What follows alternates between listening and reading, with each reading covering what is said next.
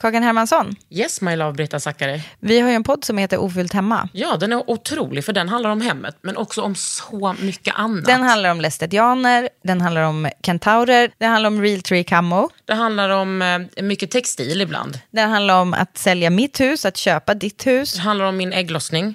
Alltid. Ja. Min också. Tack. Den heter Ofullt hemma och den finns där poddar finns. Hörs i podden, hej då! Burrow's furniture is built for the way you live.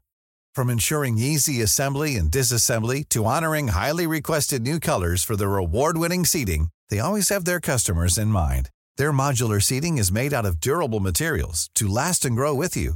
And with Burrow, you always get fast, free shipping. Get up to 60% off during Burrow's Memorial Day sale at burrow.com slash ACAST. That's burrow.com slash ACAST. burrow.com slash ACAST. Det här är en podd från L. Den isländska feministen Thordis Elva är här idag och då ska jag triggervarna för det handlar nämligen om våldtäkt, överlevnad, livet. Och gud vad vi hade ett så otroligt intressant samtal som jag känner mig väldigt stolt över. Och som jag verkligen vill att ni ska insupa. Väl mött under huden. Under huden. Med Kakan Hermansson.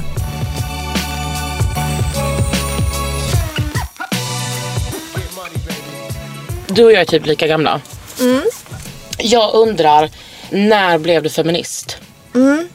Precis. Eh, jag tror inte jag har något sånt där ögonblick där det hände. Men det finns faktiskt en berättelse som jag har som där jag kände, nej men här, nu kan jag aldrig vända om. Liksom, det här är en, en punkt. När man har satt på sig glasögonen. Ja, precis. Eller någon liksom har tvingat på dig glasögonen.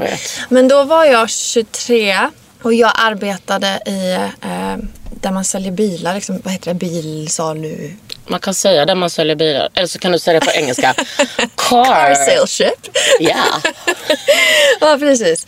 Men eh, där var alltså bara snubbar och jag. Och eh, de undvek Det där är mig. ett självdestruktivt beteende att jobba på en sån Ja, arbetsplats. jag vet, jag vet, snälla. jag vet. Nej, men jag Mm. hade precis liksom eh, examinerat som skådespelerska. Och det, det är inget man labbar, äh, liksom går raka vägen in i ett jobb. Det är Nej. inte så. Särskilt inte när man utbildar sig utomlands, vilket jag gjorde. Sen återvände jag till Island och liksom inga arbetsmöjligheter alls. Så där sitter jag och försöker sälja bilar med en massa snubbar. Och ehm, de undvek mig helt och hållet. Det var väldigt så här... ehm, ja, man kan nästan säga könsbaserad mobbning i, på gång där. Eh, man kan få liksom eh, ett procent eller två utav bilens värde som man säljer.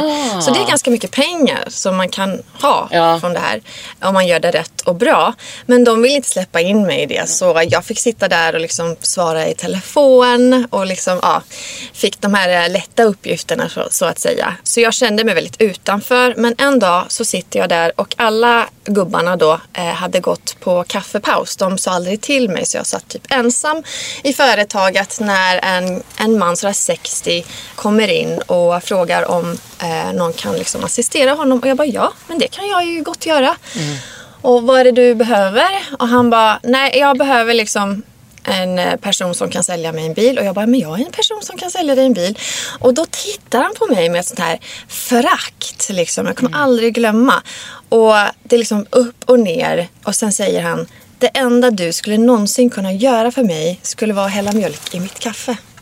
Och, jag bara, gud! Och alltså, du, du har ingen aning hur många gånger i mitt liv jag har gått tillbaka till det här ögonblicket och bara, jag önskar att jag hade ett bra comeback. Liksom. Något, något som bara skulle svida. Typ att hälla syre i hans ansikte. Ja, typ. Något sånt liksom. Men jag, fan man jag har blev tänkt helt på mycket. stum. Alltså fan man har, har liksom lekt med hämnd i sin tanke tusen Eller gånger. Eller hur? Ja, det tänker jag är så här fuel, of, alltså när man är utsatt för... Att bli ja. förbannad, precis. Gud, det har ja. varit mitt liksom... Om du lyssnar på den här podden nu, 60-åriga man som, som är 80. Ja, precis. Ah, nej, men jag tror att förbannelse är väldigt viktig som drivkraft. Jag vet att jag skrev min första bok för jag var rasande. Ja. Liksom. Du menar South of Forgiveness? Nej, faktiskt inte den. Nej. Nej, den kom, ehm, vad är det, åtta år innan South of Men alltså. Thordis, Ja. du är Alltså jag kan inte förstå vem du är. Du är liksom en helt overklig kvinna. Va? Ja, men alltså, Hur så? ja, men alltså, jag vet att du absolut inte har tid för att du har tre barn. Du har liksom inte tid att stanna upp och se det. Men du är liksom... Nej men jag vet inte. När, när podden är slut kommer ni fatta.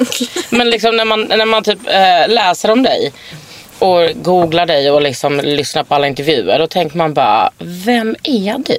Ja. Känner inte du så i själv ibland? Alltså jag har ingen aning. Nej. Jag, är. jag vet fortfarande inte vad jag vill bli när jag blir stor Nej. faktiskt. Eh, Det är en sån här existentiell kris som har pågått i 20 år nu. Nej, men eh, jag tror att mitt liv har faktiskt tagit eh, olika vändningar. Och det har nästan aldrig varit självvalt. Det har nästan alltid varit så att livet gör något, något händer. Det blir en kris och jag reagerar. Och så har mitt liv liksom flutit på. Men om vi går tillbaka till den här förbannelsen som jag kände inför min första bok. För jag som sagt var ju Men hur skådespelerska. gammal var du då när du skrev din första bok? Då var jag väl, jag började väl när jag var 27. Men eh, Var utbildade till skådis? I eh, USA. Jag hade fått en så här, sånt här stipendium för att gå och plugga där. Scholarship. Scholarship, yes, in the University of Georgia. Georgia, Georgia. Yes. Gud, South. Du åkte verkligen dit. Ja, precis. Bibelbältet och allting. Och, Men mycket det bra kändes musik. som att, bli katapulterad liksom hundra år bak i tiden. Typ. Mm. Ehm, men också underbart och eh, så givande. Jag skulle aldrig byta till något annat. Jag skulle aldrig ha velat plugga i någon cool stad som New York Nej. eller något när jag fick det här rural Georgia. Nej men i alla fall eh, så kom jag tillbaka med min absolutely useless eh, skådespelerska utbildning. Ehm, men då kände jag väldigt starkt, jag vill inte vara verktyget på scenen. Jag vill vara rösten bakom. För jag- det är så vi kvinnor liksom kan få mer inflytande tycker jag. När vi får berätta, när vi får styra det som sägs.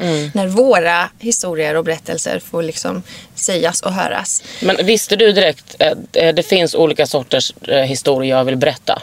Ja. Ja. Jag visste redan då att jag ville göra som man kallar på engelska um, theater for social change. Alltså att jag vill försöka ändra på samhället på något bra sätt genom att använda det här mediumet som, som teatern då är. Eh, Så jag började skriva pjäser och där hade jag mycket mer succé än vad jag hade som skådespelerska faktiskt. Och jag upptäckte också att det fanns verkligen ett behov. Det var inga unga kvinnor som satt och skrev för scen Nej. på Island då. Så jag skrev om ätstörningar som unga kvinnor lider ju av i mycket större utsträckning än unga män. Jag skrev om eh, ja, psykiska besvär. Jag skrev om eh, eh, sexbesvär. Jag skrev om ja, massa olika... Men hade du börjat nosa på liksom ämnet våldtäkt då? Ja, absolut. Okej, ja, det var inte jag främmande hade ju för dig. levt med den eh, upplevelsen Ja. själv. Jag blev ju våldtagen när jag var 16. Mm. Men, eh, men jag hade inte pratat om det offentligt. Jag hade inte berättat för min familj. Jag var liksom, Mm. ja, jag led i tystnad väldigt länge. Som jag tror att allra, allra flesta gör faktiskt. Kan du eh, vi, vi, vi måste prata om det. Mm. Om, ehm, om den här våldtäktshändelsen och vad som precis. hände sen. Precis, eh, men jag tror att det kanske också därför det var befriande för mig att skriva just pjäser. För där kan man ju inbilla sig att det är man själv som berättar sin egen historia. Men egentligen så är det en karaktär som man då sitter där och bygger. Men jo, jag var 16 när jag blev förälskad första gången.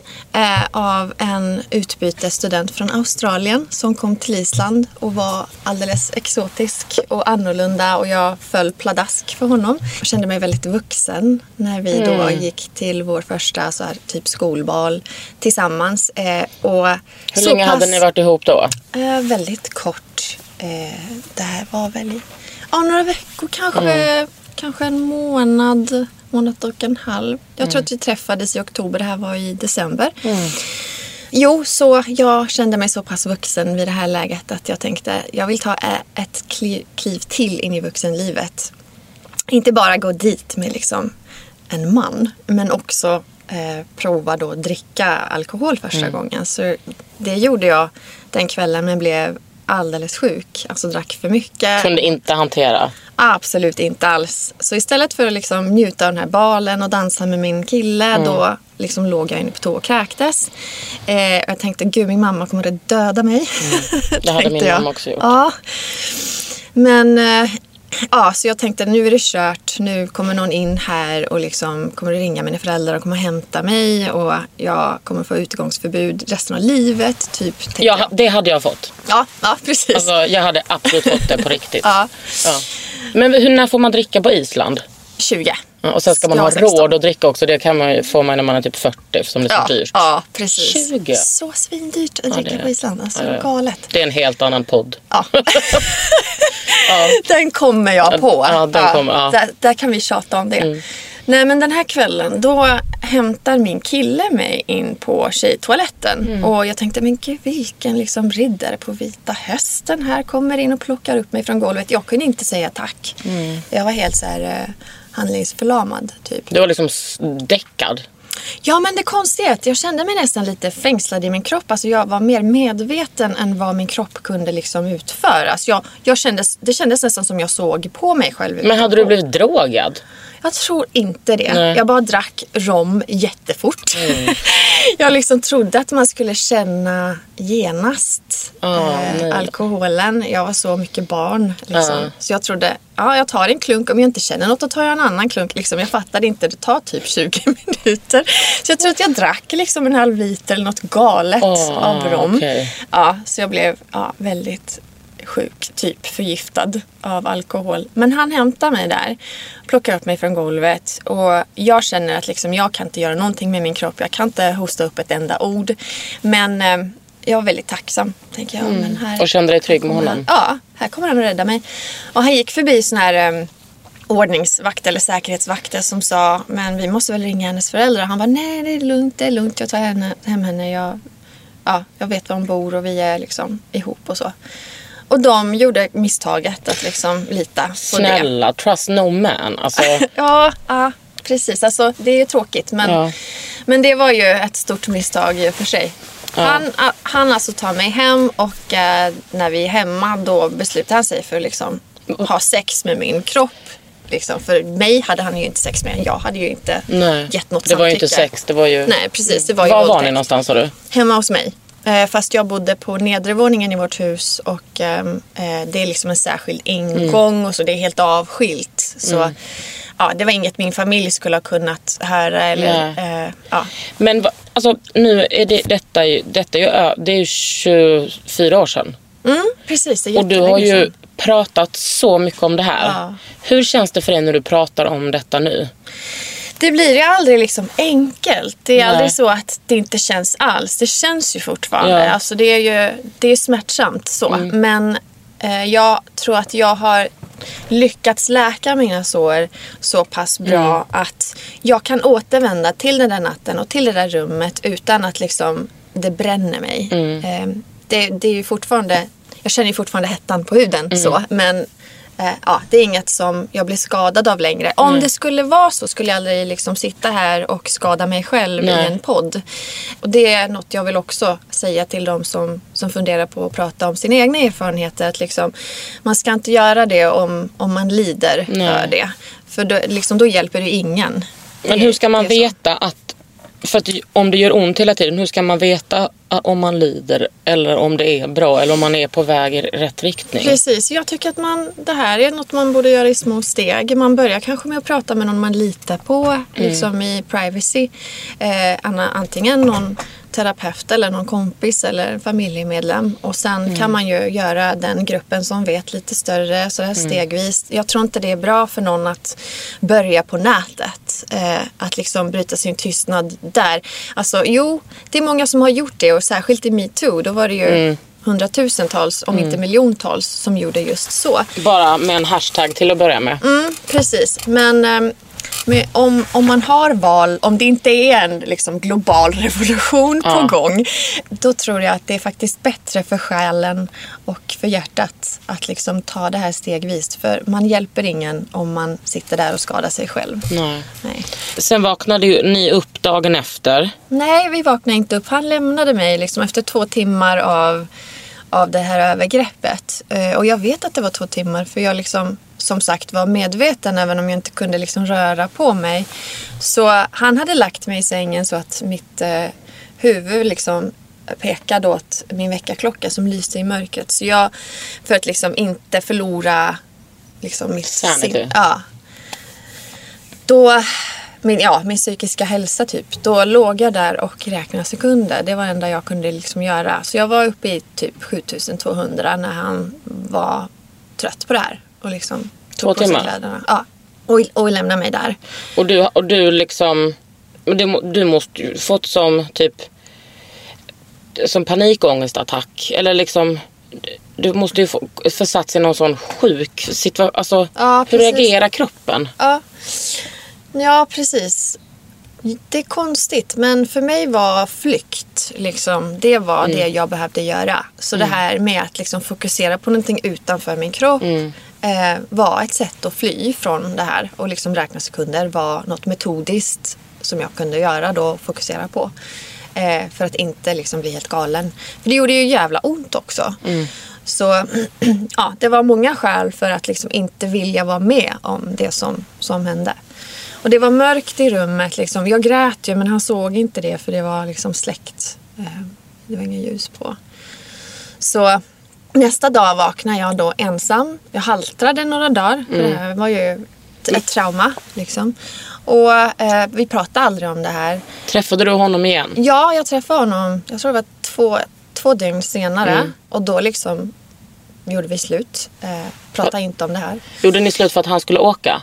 Nej, vi gjorde slut. Det var egentligen han som tog initiativet. Mm. Eh, han har sagt senare att eh, han kände sig liksom... Han kunde inte ri- riktigt sätta fingret på det. Han hade inte analyserat sig själv och liksom dragit slutsatsen att han hade begått en våldtäkt. Det tog många ytterligare Mm. år innan han gjorde det. Men han liksom hade en väldigt dålig känsla. Jaha, det och, hade han. Ja, och avsky Han hade en dålig känsla. Ja, ja, ja. Och, liksom, och jag påminde honom då antagligen om det. Om, Men- om saker och ting han inte ville konfrontera själv eller liksom erkänna för sig själv att han hade gjort. Mm. Men då när du träffade honom två dygn senare.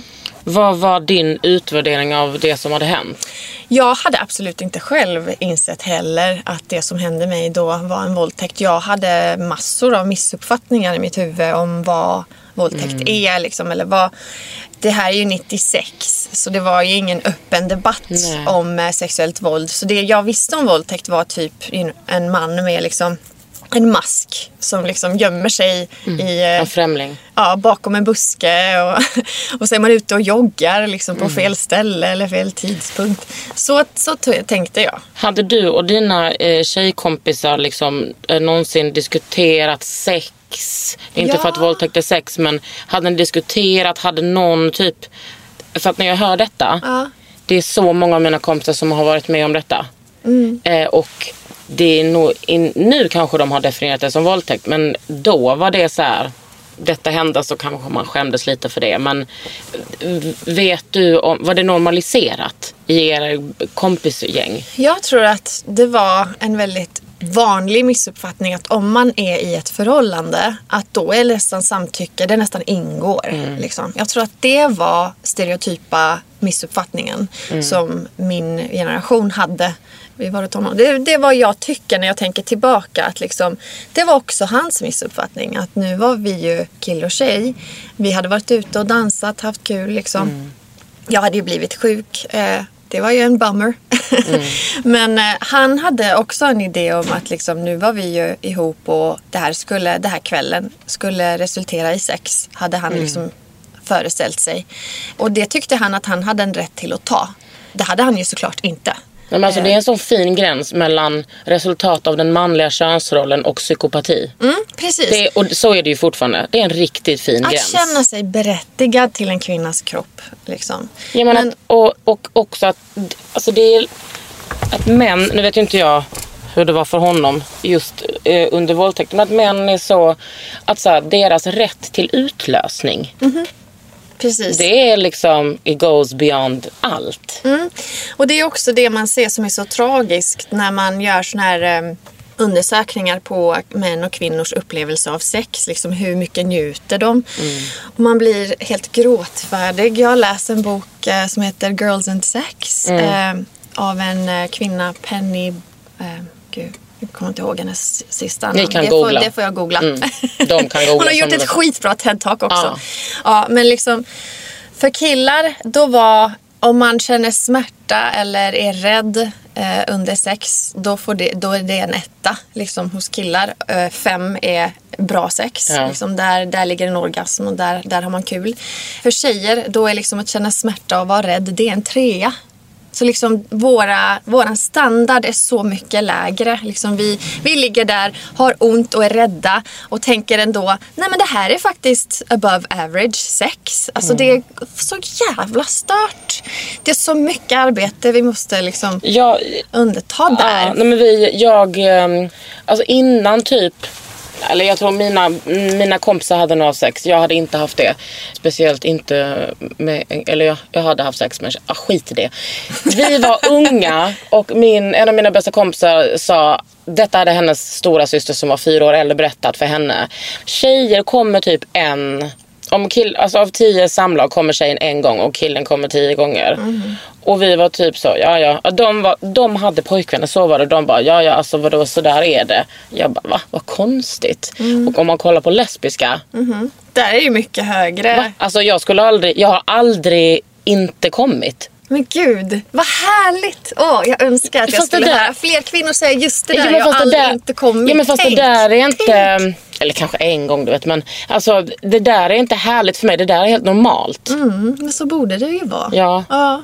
Och det är ju skitläskigt att liksom en 16-åring som jag då var kan liksom ja, bli utsatt för två timmar av våldtäkt som traumatiserar kroppen till den grad att man haltrar i dagar, Ja. flera dagar och ändå inte inse genast det där var inte okej. liksom. Ja, och kroppen är ett med psyket. ja, precis. Men sen så går det liksom, det går flera år. Ja, det går nio år innan jag sätter ord på det här på Ja. riktigt. Och hur kom det till dig då, de här orden? Ja, eh, men alltså jag hade blivit en sån här jävla overachiever som man älskar att hata. Mm. Alltså en good girl, en duktig flicka. Nej, inte, inte så förenklat. Mer att jag liksom... Eh, fly, min flykt var väldigt mycket att då gå från projekt till projekt och bli bäst på allting. Eh, men jag drack också jättemycket. Jag hade självskadebeteende. Jag, det var mycket på gång liksom. Men då är jag väl 25. Jag hade skapat ett namn åt mig själv som en pjäsförfattare. Vid det läget hade jag, jag tror tre eh, professionella produktioner. Liksom, Det är mycket. Ja, jämfört med... Ja, vid med den på- åldern. Precis, Ja. att jag var 25 då. Och jag skrev för en em, tidning. Jag hade min egen krönika. Eh, allting gick uppåt i Mm. min karriär. Em, jag blev nominerad till årets pjäsförfattare, liksom vårt finaste teaterpris. Och, ja, saker och ting hände liksom.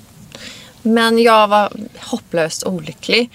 Eh, jag var i en relation där vi bråkade hela tiden. Det var, ja, det var, jag tror, jag måste erkänna själv, liksom direkt resultat av att jag inte liksom riktigt eh, fick släppa någon in till mig eller riktigt nära, bli riktigt intim med någon. För, Hade du- för då, jag bar ju på den här hemligheten. Liksom. Hade du mycket ångest? Ja, det hade jag nog. Men ehm, Hade du formulerat övergreppet som ett övergrepp då? Då hade jag Ja. det. Ja, vid 25 hade jag det. Det tog, tror jag, så tre, fyra år innan jag Mm. riktigt formulerade det så. Eh, och anledningen för att det dröjde var att det, var- det här var ju smärtsamt att liksom Mm. ta itu med. Och det var smärtsamt att erkänna för mig själv att första gången jag gav bort mitt hjärta så blev det liksom Mm. krossat på det här vidriga sättet. Liksom. Men jag la också skam och skuld på mig själv. Jag skulle inte ha druckit alla de här jävla klyschorna som är så dumma. För liksom, Mm. Hade du liksom tagit del av ett liksom av en så här, samtal om det här med andra? Hade du liksom haft någon feministisk diskussion med någon utan att liksom nämna dig själv? Inte systematiskt så, Nej. men jag hade sett Vagina Monologues eh, av Eve Ensler. Eh, jag hade sett att liksom, det går att sätta ord på sånt här. Det går att liksom ändra på världen med en vass, sann historia. Det är så mycket som vi inte har satt ord på fortfarande, även nu. Men eh, då bråkade jag den här dagen 2005 eh, med min kille för jävla 2000 gången. Och sprang iväg, smällde dörren bakom mig, satte mig i min bil, körde iväg blindad av tårar och bara, jag vet inte vad jag ska göra med mig själv, jag måste bort någonstans. Och jag gick in på ett café där jag aldrig brukar gå, eh, där jag aldrig brukar känna någon. Satte mig ner, bad servitrisen om en penna. Jag tänkte bara doodla lite så, eh, för att lugna mina nerver. Men till min stora förvåning då så bara strömma ut ur pennan det här brevet till min förövare nio år Ah. tidigare. Eh, som jag tyckte var superskumt och konstigt för jag hade inte alls tänkt på honom. Och bråket var ju inte oh, med honom och handlade inte om honom. Men det var tydligt att liksom, Simple psychology. Ja, det var tydligt att det här bubblade till ytan. Och ja, helt enkelt behövde komma ut. Så jag skrev ehm, en konfrontation där jag la fullt ansvar på honom. Väldigt rakt på sak.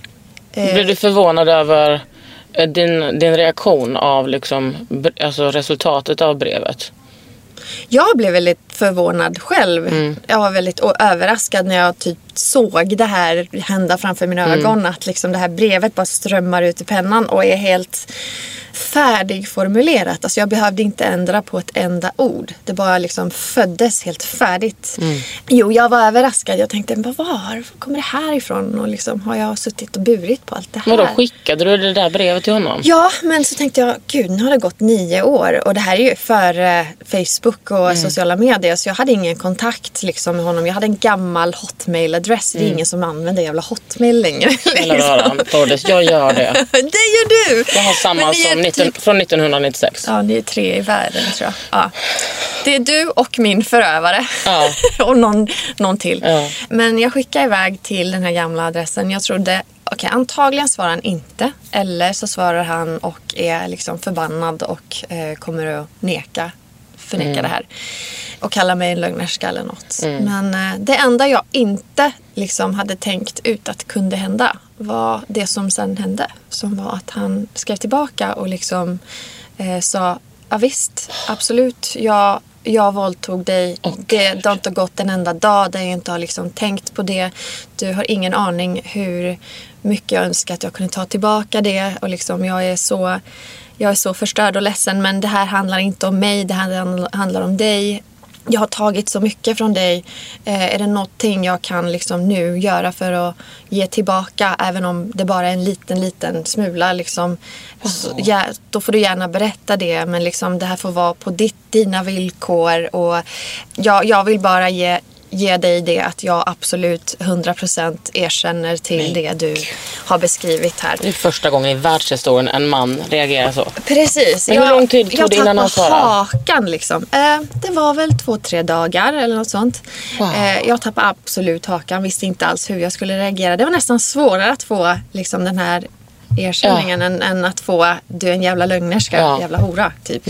Eh, så så jag, ja, det här var rörde upp en massa olika känslor i mig och jag hade ju inte tänkt brevväxla med den här snubben. Liksom. Nej, alltså det blir ju sjukt. Ja, det Att tyckte då, jag också. Då blir han ju mänsklig på något sätt. När han har gjort någonting så omänskligt. Ja, precis, precis. Det blir jättemånga konstiga dragkampar inom en. Liksom. Men eh, jag tänkte, det, det är fler saker jag vill veta här. Om han är så öppen och liksom så villig att ta, ta den här diskussionen, då vill jag fråga honom varför. Liksom. För det, jag tror att det är frågan alla utsatta bär på. Alltså vad, vad fan tänkte du? Och det, den blev jag tvungen att ställa. Den ville jag ha svar till. Den tyckte jag att jag hade liksom förtjänat svaret till. När du hade skrivit det här eh, mejlet och Mm. fått mejlet. vem- Hade du berättat för din familj, kompisar, pojkvän? Pojkvännen ja. Eh, Visste han sen inte innan? så många fler faktiskt. Nej. Nej. inte min familj. Kanske, kanske vid det läget hade jag berättat för mamma, jo. Men ingen annan tror jag. Och kanske en bästis eller så. Mm. Det var nog... Ja, man kan nog räkna på en hand Mm. de som visste vid det här läget. Under huden.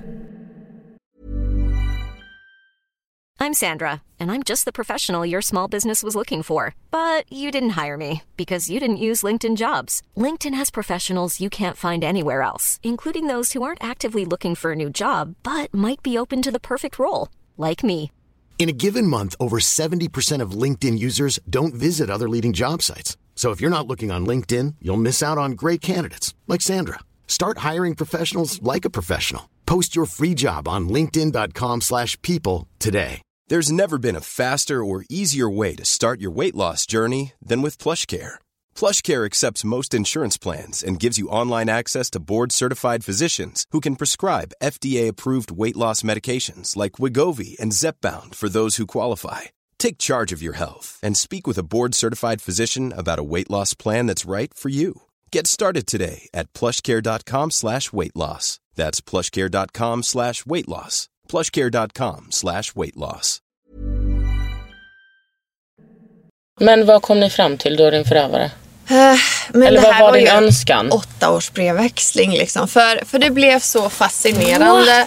Vi, alltså jag började upptäcka att vi hade levt väldigt parallella liv. Det låter galet. Men liksom jag hade ju tagit på mig skulden och skammen. Mm. Det är vad vi som samhälle gör allt för ofta. Att Mm. liksom vi, vi låter de utsatta bära på det. Vi skyller på dem. Vi säger, att men du hade ju kort kjol. Mm. Ja, vi har ett Liksom. rättssystem som uppmuntrar det. Nej men det gör vi faktiskt. Mm. Vi har ett rätts- rättssystem som ofta är ett felsystem. Det är så. Så jag hade burit på skammen och skulden.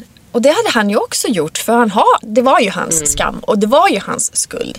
Eh, så vi hade egentligen levt väldigt parallella liv på många sätt och vis där vi hade båda liksom försökt fly från vårt förflutna, förtränga det som hände, gått och burit på självförakt.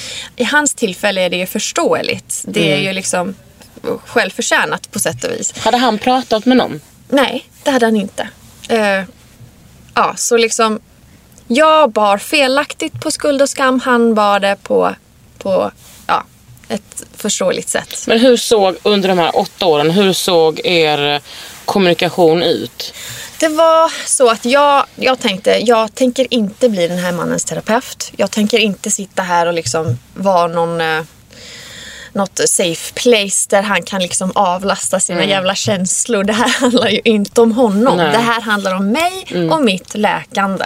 Så jag tänker alltid prioritera mig själv. Och när det inte känns bra, när jag tänker nej, det här, det här är inget som jag mår bra av just nu eller gör någonting för mig just nu. Då tänker jag slita kontakten och säga adjö. Eh, ha ett bra liv. Liksom. Men gjorde du det någon gång under Det gjorde de- jag tre gånger under de här åtta åren. Där jag sa, vet du, nu känns det inte som eh, det här gör något särskilt för mig och mitt läkande. Det här är inget eh, som bidrar till att jag mår bättre. Så då säger jag hej då. Men hur såg de här... Och det var tre ettårspauser. Så det blev Ah, liksom, det men sen kom du pauser. igen? Sen var det, det brukar vara någonting som hände i antingen mitt eller hans liv som gjorde att liksom man fick någon ny vinkel Mm. eller man fick någon ny idé eller någon ny fråga Mm. om det som hade då hänt och liksom konsekvenserna det hade haft. För exempel när man blir mamma. Då, om han har själv upplevt någonting när man själv var ung, då blir det ofta nya tankar eh, och nya frågor som liksom vaknar till när man får själv barn.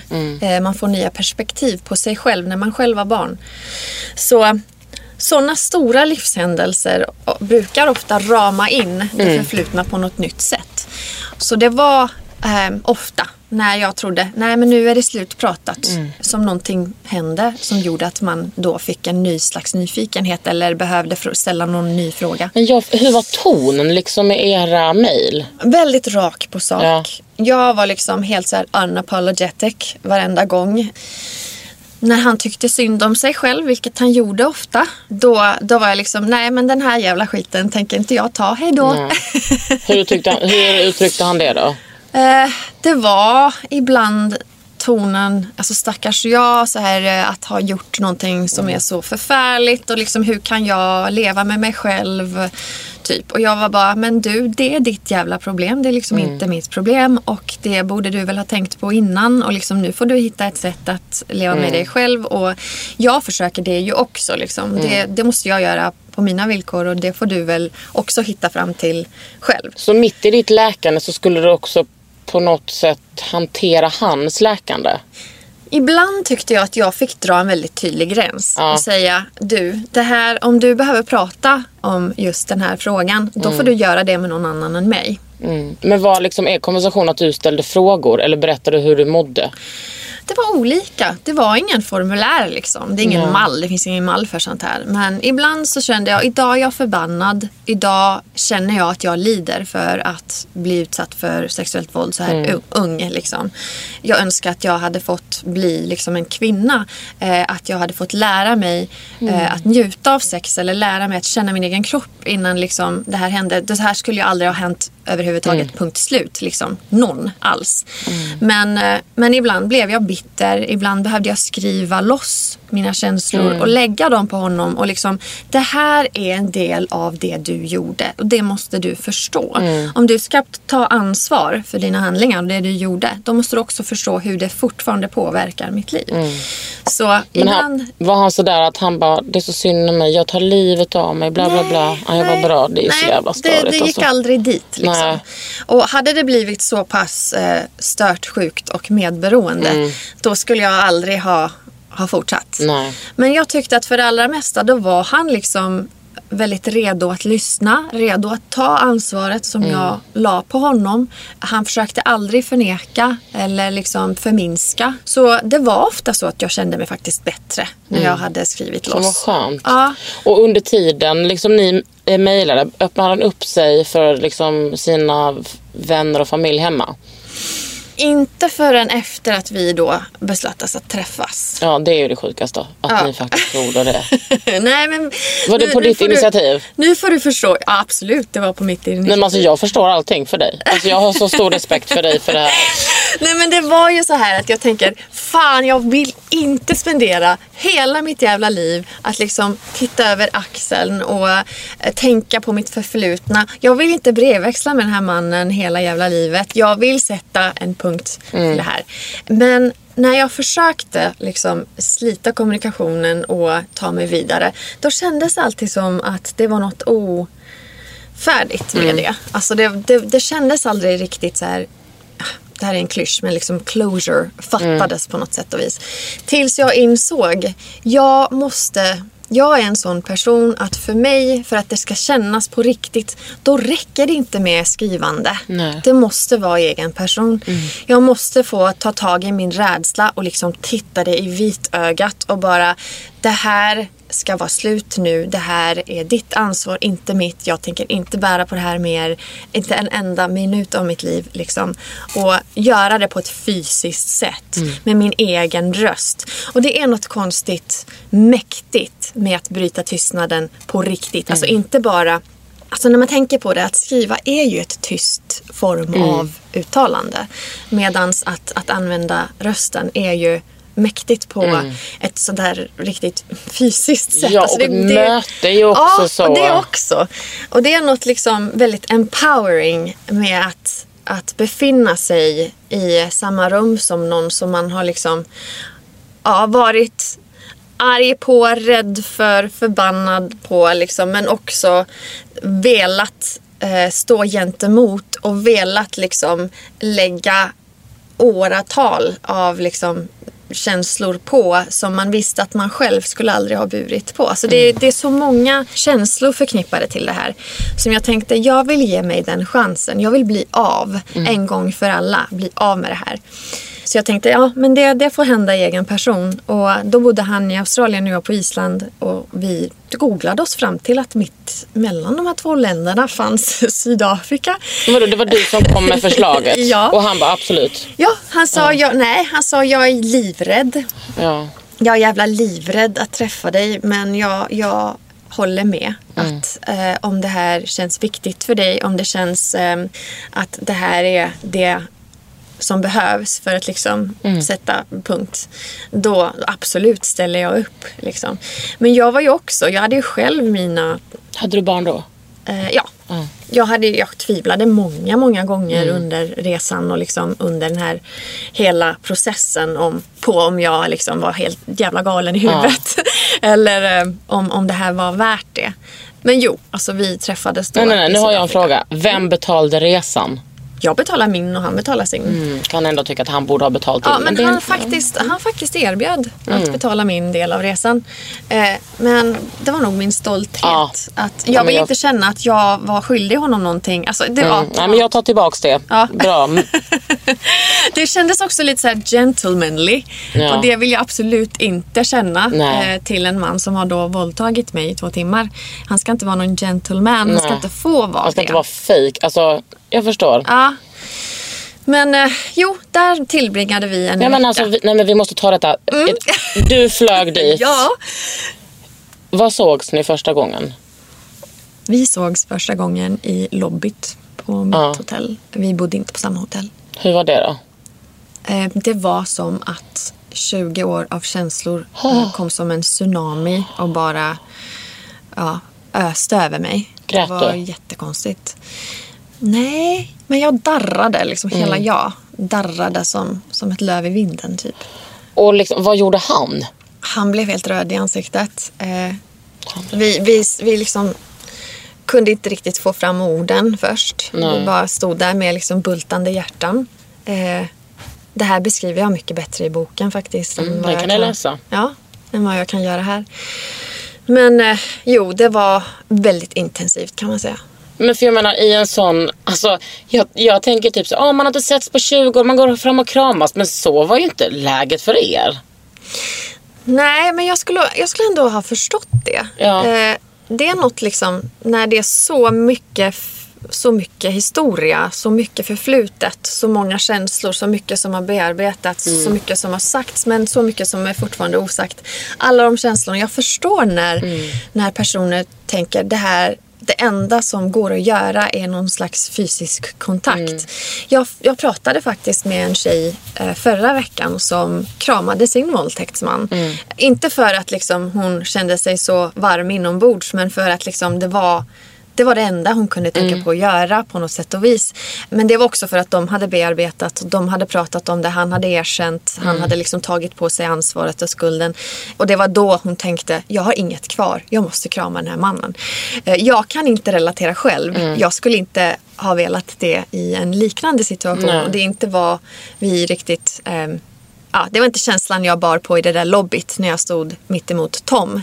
Eh, jag inser nu, jag har aldrig sagt hans namn, men han heter alltså Tom Stranger. Stranger också, det är så sjukt. Det är så konstigt, Stranger Danger liksom. Men, eh, Mm. Men hur löpte den där min, veckan min på? instinkt, min impuls var inte att, att kramas. Nej, Liksom. det förstår jag.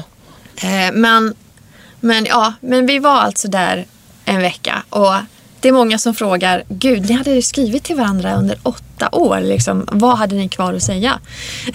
Mycket. Jo, alltså vi hade mycket kvar att säga. Men det är också något magiskt som händer när man tar samtalet i egen person. Alltså även om man har skrivit om det tidigare, det, det blir en annan Ja, känsla. det tåls att upprepas också allt ni har sagt ju.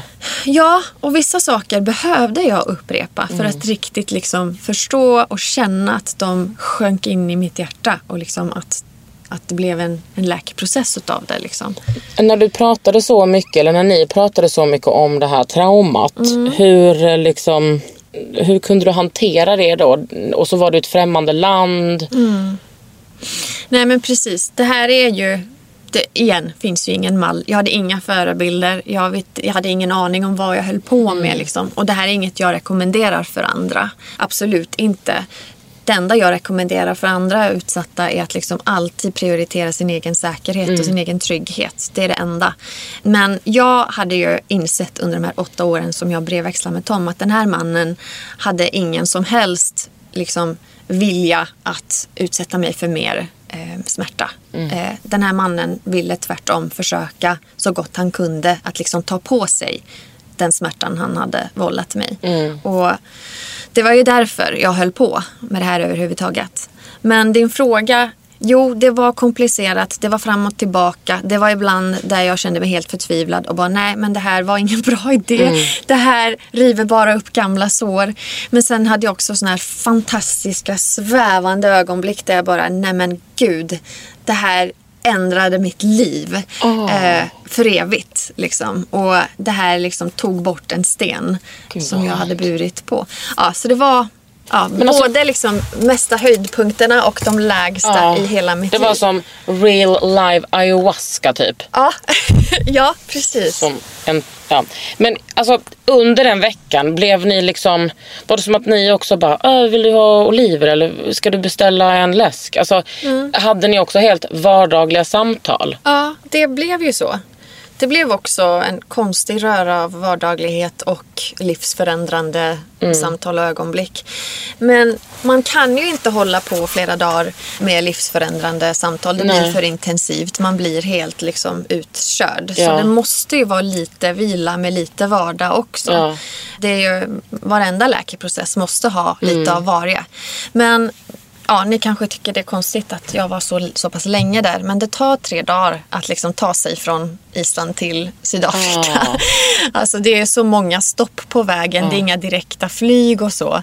Eh, så jag tänkte, ja, jag tänker inte ta, alltså, gå på en sån lång resa utan att kunna riktigt eh, också tillbringa tid där och bli av med min jetlag och, och tycka att jag vilar i ögonblicket nu, att jag har landat. Det, det hinner man ju inte känna om, om man är kortare tid i själva landet än det tar att resa dit. Nej. Liksom. Ja, gud, alltså din familj måste varit så orolig för dig. Ja, min mamma var helt förstörd och bara, va? Vad fan? Min pappa blev bara arg. Ja. Ehm, ja, han bara kom och skrek Hade du på mig. eh, liksom din eh, baby daddy, var du Ja. ihop med honom då? Ja, ja. vi är fortfarande ihop. Ja, det är samma pappa. Mm. Han var otroligt förstående och stöttade mig men han var såklart också rädd. Inte för Tom. För han hade liksom fått en bra insyn i vad vår kommunikation handlade om. Och han förstod och stöttade mig att liksom ta den här ansvarsprocessen med den här mannen. För han visste att rättssystemet skulle aldrig ge mig någon slags rättvisa. Och det är för att ehm, på Island 96 då var det inte våldtäkt att liksom förgripa sig på någon i två timmar eh, så som de gjorde med mig. Eh, det var en annan typ av sexbrott. Ja, det var som- det inte i Sverige heller. Det skulle nog ehm, kanske vara sexuellt uh, ofri, ja, ja, utnyttjande. precis. precis. Eh, på grund av att jag då inte kunde kämpa emot. Nu har vi ändrat lagen, det gjorde vi 2007. Så nu skulle det ha varit våldtäkt Mm. oavsett. Men då skulle det inte ha varit det. Och det hade ju redan preskriberats när jag Mm. konfronterade Tom. Så även om Tom kände att jag borde sitta i fängelse och där höll jag faktiskt med honom. Mm. Om man tänker så här strängt på lagen, då är det ju absolut rätt. Men det visste vi att skulle aldrig hända på grund av att lagen var ju inte ja, rättvis. Så, så Viders, min man då, han förstod ja, den här ansvarsprocessen är Tordis eh, sätt att liksom få rättvisa. Eh, för att rättssystemet kommer de ju aldrig att, att liksom ge henne det. Så han stöttade mig men han var också rädd och vi kommunicerade mycket när jag var där i Sydafrika. Så han var lite med eh, på resan på sätt och vis också. Men sen skrev du en bok. Ja, ja, precis det gjorde jag. Var det direkt efter när du kom hem eller? Ja. Nej, ni skrev en bok ihop. Ja, nej, alltså processen var så här. Jag är en hopplös författare egentligen. Jag måste skriva loss mina känslor. Det är så jag är uppbyggd. Typ. Så jag, jag blev tvungen när jag kom hem att liksom dokumentera det här. Det var inte för några läsare. Det var för mig själv. Jag tänkte Ja, det här måste jag skriva ner när, när jag fortfarande kommer ihåg alla detaljer. Det är fortfarande färskt i mitt minne. Men när jag hade då skrivit en, en del, då kom initiativet från Tom. Han sa, jag tycker vi har lärt oss så pass mycket eh, av vår process att det är synd att inte dela det med fler. Sa han. Då hade han också arbetat ganska mycket med, med frågor som är relaterade till typ eh, eh, drog, eh, vad heter det? drogmissbruk, alkoholmissbruk och sånt. Han hade arbetat med utsatta ungdomar som eh, var vilse liksom, i livet. Eh, så han var typ sån här sociolog. Eh, Socionom. Socionom, precis. Ja, det var han.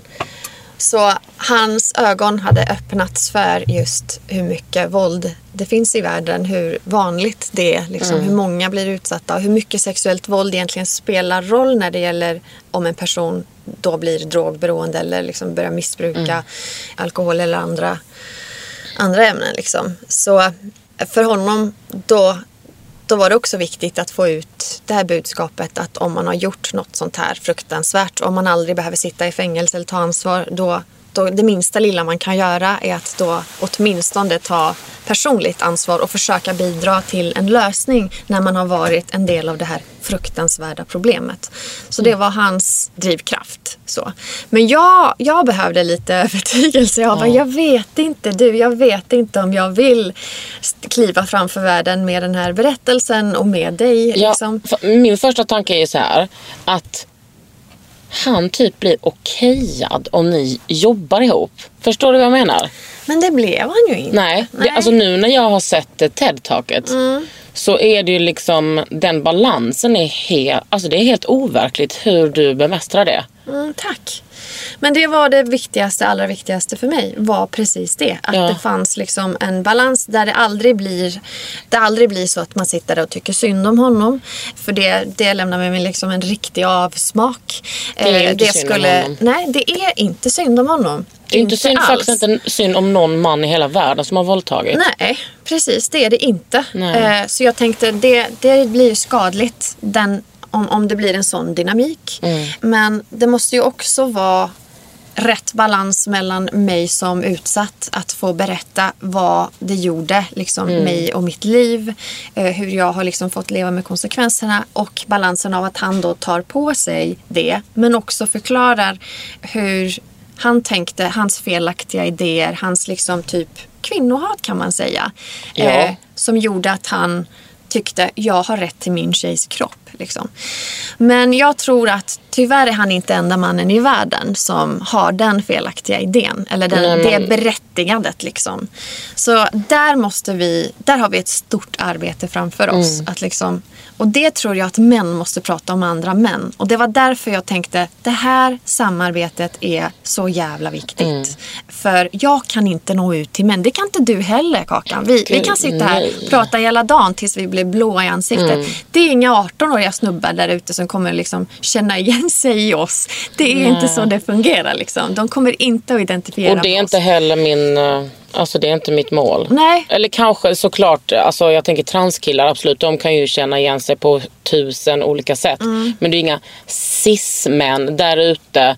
Det, det är också många, det måste man säga, det är många alla slags män som har blivit utsatta för våldtäkt. Men nu pratar vi om liksom ett patriarkalt, det här är ju liksom Mm. Nej, men så absolut. vanligt. Och det är ju såklart ett väldigt allvarligt problem att, Mm. att män och killar också blir sexuellt utnyttjade och våldtagna. Ja, men inte i det, i, nu pratar vi liksom om Ja. detta. Nu pratar vi Ja. om detta och eh, jag tycker att det borde vara allas mål att försöka radera våldtäktsproblemet från, Mm. våra, från våra samhällen och våra liv. Men ingen, Eh. ingen är ju så när man får en liten pojke. Jag ska uppfostra honom så att han inte blir våldtäktsman.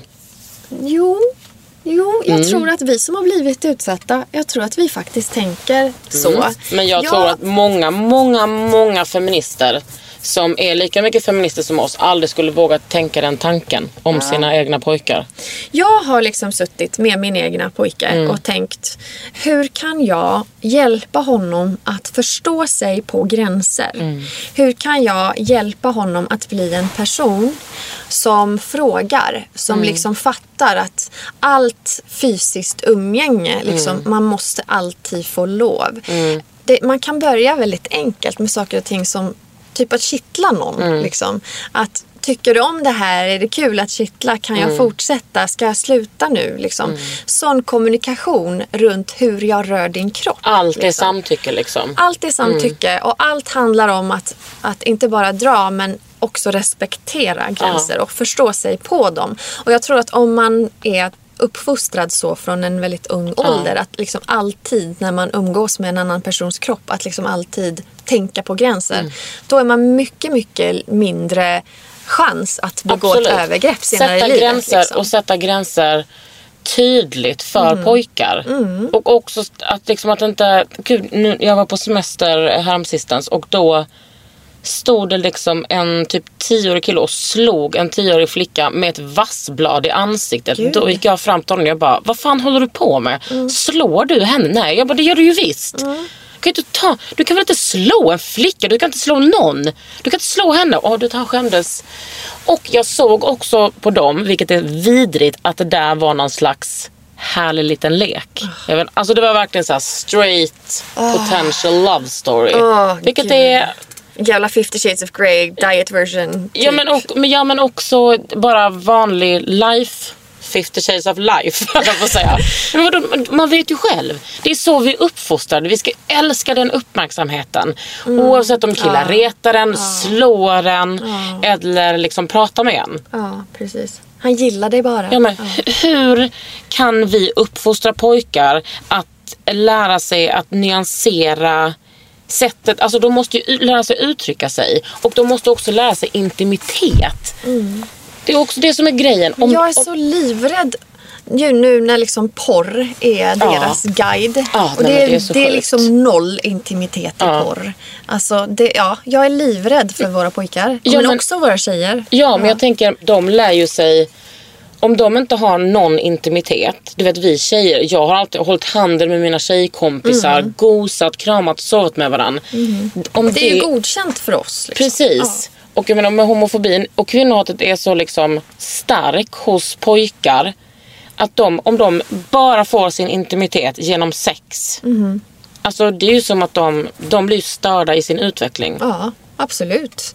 Ja, det är antingen sex eller liksom att få krama sina fulla fotbollskompisar. Alltså få slåss, Ja, typ. precis. Ja, ja huligan eh, Alltså den, man, kulturen. Nej, liksom. den manliga Ja. könsrollen är utvecklingsstörd. Och Ja. vi måste liksom alla jobba för att den inte Ja, ska vara jag, så. jag tycker den är så hämmad, den är så begränsad. Och en del av mitt arbete har faktiskt varit att försöka krossa eh, könsstereotypa roller med, med läromedel som jag har gjort för isländska grundskolor. Liksom. Ja, Där kolla, har det är jag... det jag säger. Du gör ju, du gör ju allting. Du är en helt overklig kvinna.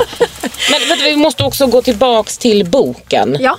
Ni, skrev, ni skrev till slut den här boken. Ja, det gjorde vi. Alltså jag skrev ju 90% av boken men han la till, liksom, för det är ju ingen mening med att båda berättar samma Nej. liksom, processen två gånger. Det blir Nej. ju bara tråkigt att läsa. Men han la till liksom, sina största liksom, upptäckter eller Mm. sina ja, slutsatser la han till. Jag skrev den som en resedagbok. Mm. Där det är en vecka och varje kapitel är en dag. Mm. Och sen i slutet av varje kapitel då blir det liksom Toms röst där han beskriver Ah. det han tyckte var viktigast eller liksom eh, svårast eller ja, mest intensivt just den dagen. Mm.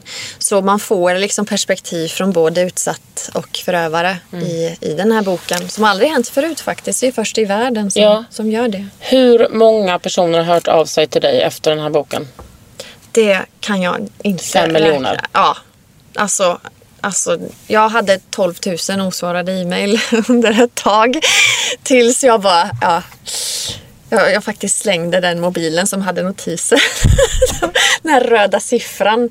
Den gjorde mig, gav mig sån panik. Eh, Så jag fick en ny mobil som har ingen siffra. Man vet inte hur många osvarade mejlar det finns. Så jag har ingen aning hur många det är idag. Men det var alltså hela världen knackade på Mm. under ett tag. Eh, Och, du har, ni har också gjort ett TED-talk. det gjorde vi. Mm. Ja, precis. Ja, den, den tur. Jag tror Ja, men det är ju speciellt. Ja. Att ni gör det. Att vi delar scen. Ja. Ja.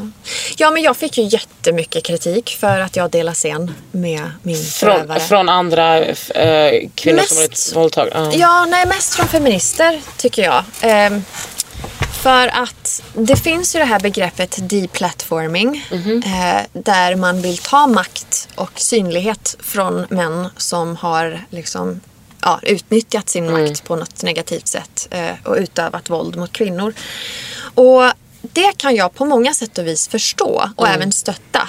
Men så här ser jag på saken. Vi bor i en värld där vi ser och hör förövare hela jävla Mm. tiden. Alltså de de liksom är regissörer för alla filmer vi ser på tv-program. Mm. De liksom spelar i våra fotbollsmatcher. De, de är jävla De är presidenten av. USA. Ja. Liksom. De är ju världens mäktigaste män. Mm. Men de pratar aldrig om sitt ansvar när det gäller våld mot kvinnor. Tvärt emot, de Mm. förminskar, de normaliserar, de kallar det locker room talk. Liksom. Och de kallar också våldtagna kvinnor för lögnare och hysterikor. precis, precis. Så, så, och, och liksom åtalar oss för förtal och så vidare. Så jag tycker att det är absolut nödvändigt att världen får höra det motsatta. Att världen Mm. får höra en man säga nej, jag är en del av det här problemet. Vi måste prata med andra män om det här problemet. Vi måste erkänna att det här är en del av manskulturen som är giftig, som vi måste ta itu med. Mm. Vi måste erkänna att det här är skitallvarligt. Det här är inget locker room talk. Det här är liksom förstörande av andras liv och våra egna liv och våra egna relationer. Eh, Jag, jag, jag kollade ju på det där TED-taket och blev liksom så imponerad av dig att jag höll på att få framfall. Jag fick inte det. Men jag, jag tänker att det, det, det är så, alltså jag tänker så mycket på hela det här eftersom vi kvinnor Oavsett position, relation, alltså förhållande. Att vi alltid tar socialt ansvar. Att man bara kom här, eh, vi ska gå hit, här vill du ha kaffe. Bla bla bla bla. Och att så kan ju inte du vara mot honom. För han är ju din förövare. ja, Och hur, alltså jag tänker när han jag ska inte amma honom. Liksom. Det ska du Nej. absolut Nej. inte göra. Nej men hur, hur liksom, efter att ni har gjort ett TED-talk, Ja. folk applåderar. Hur är, hur, hur är reaktionen eh, till honom? Jo men alltså vi tyckte båda att det var jätteviktigt att han liksom inte blev glamoriserad Ja. på något sätt. För det här ska ju inte vara glamoröst. Så när vi typ hade signeringar av boken då skrev inte han sitt namn i boken. För Nej. han ville inte liksom få den typen av eh, hyllning. Nej. Och när vi föreläste då ville han inte att, att det skulle bli applåd Nej. Mm. efteråt. Liksom. Inte för honom. Eh, om, om jag ville stå ensam på scen och ta emot applåd då var det helt okej. Då går han liksom. bak liksom. Hur många Och gånger han- har ni gjort det här TED-talk? För jag vet att den som finns online har typ fem och en halv miljoner kollat på. Ja, precis. Den var ju en engångsgrej, men sen reste vi världen runt och föreläste tillsammans. i, Man ska eh, explodera Doris. Du är så jävla... Hur pallar du? Det var jävla svårt kan jag säga. Den perioden var tuff. för Det var mycket med hat och hot. Jag fick ha en livvakt. Liksom, vänta, vissa- vänta. Vem fick du hot ifrån? Eh, Det var eh, under en tid inför vårt, vår föreläsning som var planerad på Women of the World Festival, vilket är en konferens i London. Där var det liksom en eh, lista med underskrifter som samlades in för att liksom protestera att vi då skulle ha ett framträdande. För att han var förövare? Ja. Ja, men de ville ju inte heller att jag skulle stå på scen. Alltså de, de ogillade ju hela konceptet. Jag, Var det här typ radikalfeminister? Mm, Gud, egen Ja, slutsats. Men... jag vet inte om de, jag vet inte hur de eh, definierar sig själva. Men, men jo, alltså feminister var de ju. Jag är själv stolt feminist. Jag kan inte tänka mig livet utan feminism. Alltså jag lever för feminism. Mm. Så, men vi har ju väldigt olika åsikter ofta Mm. och metoder. De här var tydligen väldigt så här eh, stränga um, bokstavs deplatforming typer av Mm. Var det, personer. var det kvinnor som jobbade med mäns våld? Liksom kvinnojourstkvinnor? Kanske den som... Nej, jag tror att de var bara väldigt det? Opinionerade kvinnor. Nej, Jag men det var, en grupp, sig, men det var en grupp av fyra kvinnor som, som blev väldigt eh, upprörda över Mm. tanken om vårt projekt. Så de liksom samlade ihop underskrifter. Eh, när de var vid 2000 eller så, då stängdes den här listan ner utav eh, de som organiserar festivalen och de sa, vet ni, vi eh, flyttar Toms och Tordis eh, föreläsning. Så istället för att vara den här lördagen som de var så upprörda över, då blir det liksom på måndagen. Så det blev en liten sån här diplomatisk lösning. Att vi då, vi, vi gjorde ju fortfarande den här föreläsningen men den blev liksom eh, ja, skjuten upp li- lite grann. Varför, vad fick eh, du för reaktioner på plats? Eh, ja, men så kom vi dit och det var en massa arga personer utanför med skyltar och skyltarna, på skyltarna stod typ Hang the rapist och så. Alltså, och här måste man ju förstå, alltså det finns så mycket smärta i den här debatten. Det finns så många människor som Ja. inte har läkt sina sår. Nej, det finns ja, så det- många människor som såg sin egen förövare i Tom. 100%. Som liksom ja, tog och projekterade typ all Mm. sin smärta och vrede. Han blev symbolisk för alla förövare i Men alltså världen. jag fattar eh, jättemycket det, den vinkeln också. Ja. De som ser sin farsa eller sin storebror eller, eller kusin eller farbror. Alltså, Precis, så det blir bara ett, ett blint hat typ eh, mot Tom.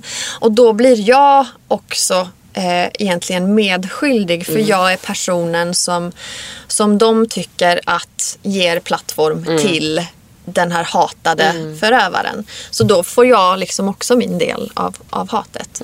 Så det var arga personer där som jag på sätt och vis också förstår. Alltså jag förstår deras smärta. Jag var dem. Jag var ju den personen en gång i tiden. Jag ja, kunde du inte... är ju också det fortfarande på något sätt. Ja, alltså det, jag, jag ville bara hämnas på Tom. Jag ville bara att han skulle lida. Jag ville bara att han kände min smärta. Vill du liksom. det fortfarande? Nej, nej. Det är många år sedan jag blev av med den känslan och det var nog det bästa som har hänt mig i livet. Att bli av med det hatet. För det var giftigt. Liksom. Mm. Det var inget bra för mig att sitta med det i sinnet. Är det här det bästa du eh, kunde ha gjort för din eh, mitt bearbetning? läkande? Ja. Ja och nej. Ja, absolut. Jag behövde få ut de här känslorna. Jag behövde lägga dem där de hör hemma.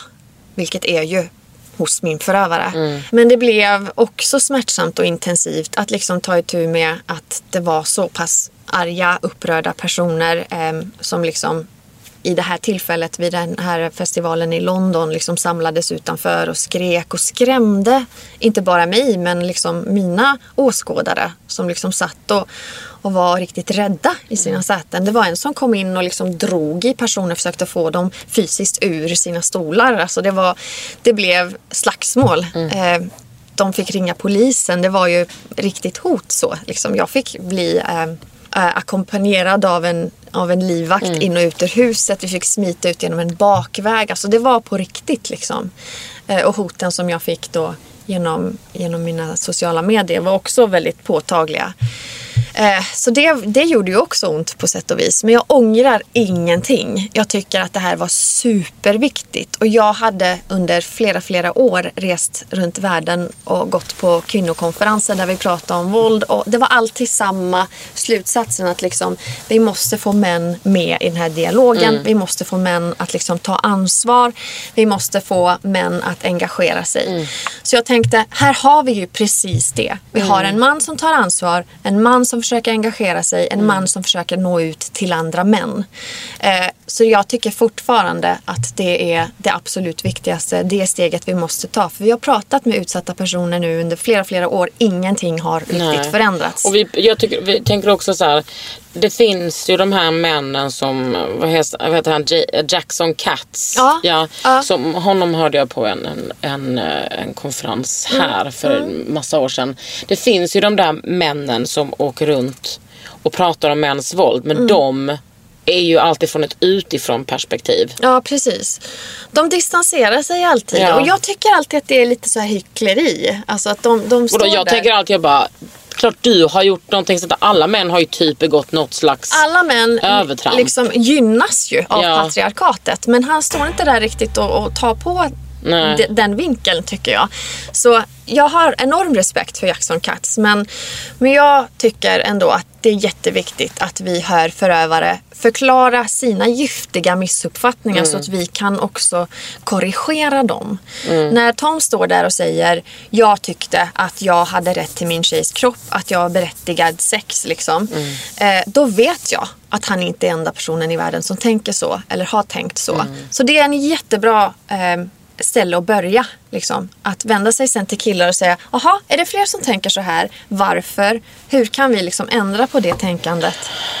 Fast det är väl ändå bara tjej som eh, lyssnar på det här TED-taket. Det är väl ändå bara tjej som läser den här boken.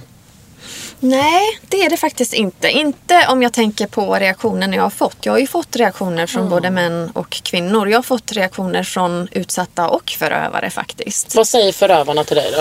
Eh, förövarna ofta är chockade att de liksom har själva insett att de har begått någonting. De har kanske insett det under liksom läsningen av boken eller att de satt och tittade på TED-talket och fattade själva, fick tag i någonting i sitt eget förflutna där de insett att de har begått något brott av något slag eller något övergrepp.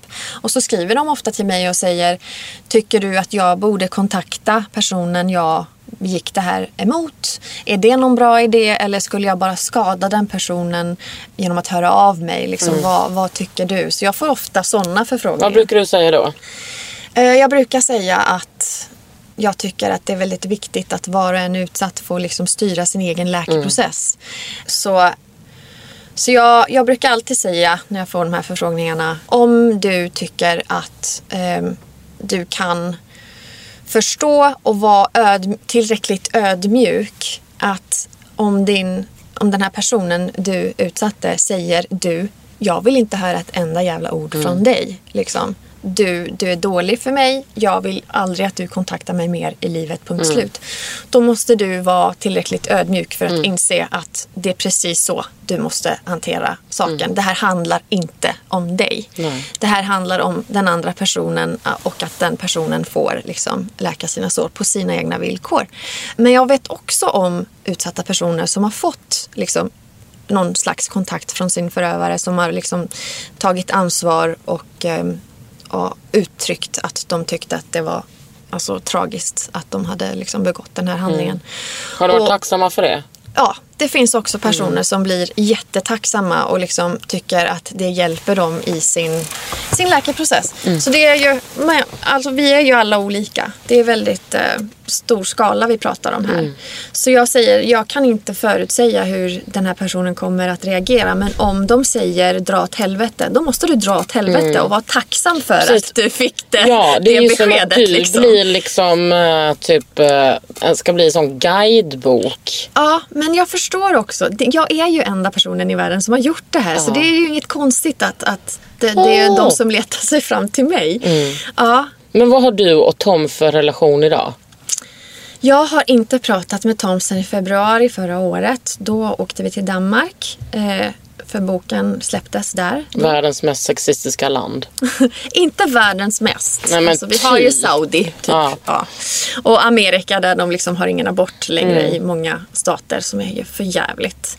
Men eh, ja, vi var i Danmark och eh, hade en liten bokturné där och ja, gjorde föreläsningar och intervjuer och sånt. Men sen har vi inte hörts. Vi är liksom inte vänner så. Vi Nej. är- nej. Men Vi- har han, eh, i er relation, har han mandat att höra av sig om han vill? Ja, såklart. Eh, ja, men jo, jag skulle ju aldrig ha kunnat samarbeta med Tom om jag hatade honom fortfarande. Liksom, eller om jag bar på en massa obearbetade känslor. Liksom, då skulle jag inte kunna ha ett samarbete med honom. Så ja, vi, vi har såklart en eh, öppen kanal där vi kommunicerar när vi behöver och när vi vill. Men eh, ja, det har inte varit något sen jag blev sjukskriven på grund av eh, vattenavgång med tvillingarna. Ja. Det är en också en annan podd. Ja. Alltså. det är en annan Wow, alltså Tordis 11. Ja, ja. Tack för att du kom hit. Tack att, Det här var... att jag fick vara här. Ja. Tusen Det har tack. säkert varit skitjobbigt för många lyssnare att, att höra för att det river upp så många sår. Ja, Men också eh, för mig väldigt, eh, jag är så imponerad av dig. Och så, jag känner mig också dig. hoppfull. Ja, men det gör jag också faktiskt. Och när vi gjorde vår TED-talk och klev fram på världsscenen. Det var åtta månader innan metoo. Och då skulle jag aldrig i livet ha kunnat förutse eller tänka mig att bara en kvart senare i världshistorien skulle liksom miljontals personer runt världen bryta sin tystnad. Och det ger mig sånt enormt hopp. Alltså vi är på rätt väg. Det går alldeles för Så sakta. känner jag också. Men jag känner också att mil, miljardtals män don't give a fuck och tycker synd om sig själva. Så Mm. Det, att, det är men jag är tyvärr också, så. Så ja. vi måste jobba på. Ja. Ja, och de måste jobba Ja, på. och alla män, sluta våldta Mvh oss. Du har lyssnat på Under huden med mig, Kakan Hermansson och Thortis 11. Du har lyssnat på Under huden med Kakan Hermansson. En podd från L.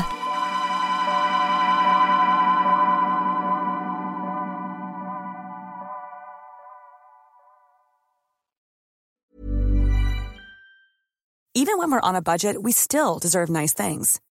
Quince is a place to scoop up stunning high-end goods for 50 to 80% less than similar brands. They have buttery soft cashmere sweaters starting at $50, luxurious Italian leather bags, and so much more. Plus, Quince only works with factories that use safe, ethical, and responsible manufacturing. Get the high-end goods you'll love without the high price tag with Quince. Go to quince.com slash style for free shipping and 365-day returns. Hey, it's Paige DeSorbo from Giggly Squad. High quality fashion without the price tag. Say hello to Quince. I'm snagging high-end essentials like cozy cashmere sweaters, sleek leather jackets, fine jewelry, and so much more. With Quince being 50 to 80% less than similar brands. And they partner with factories that prioritize safe, ethical, and responsible manufacturing. I love that. Luxury quality within reach. Go to quince.com slash style to get free shipping and 365 day returns on your next order. Quince.com slash style.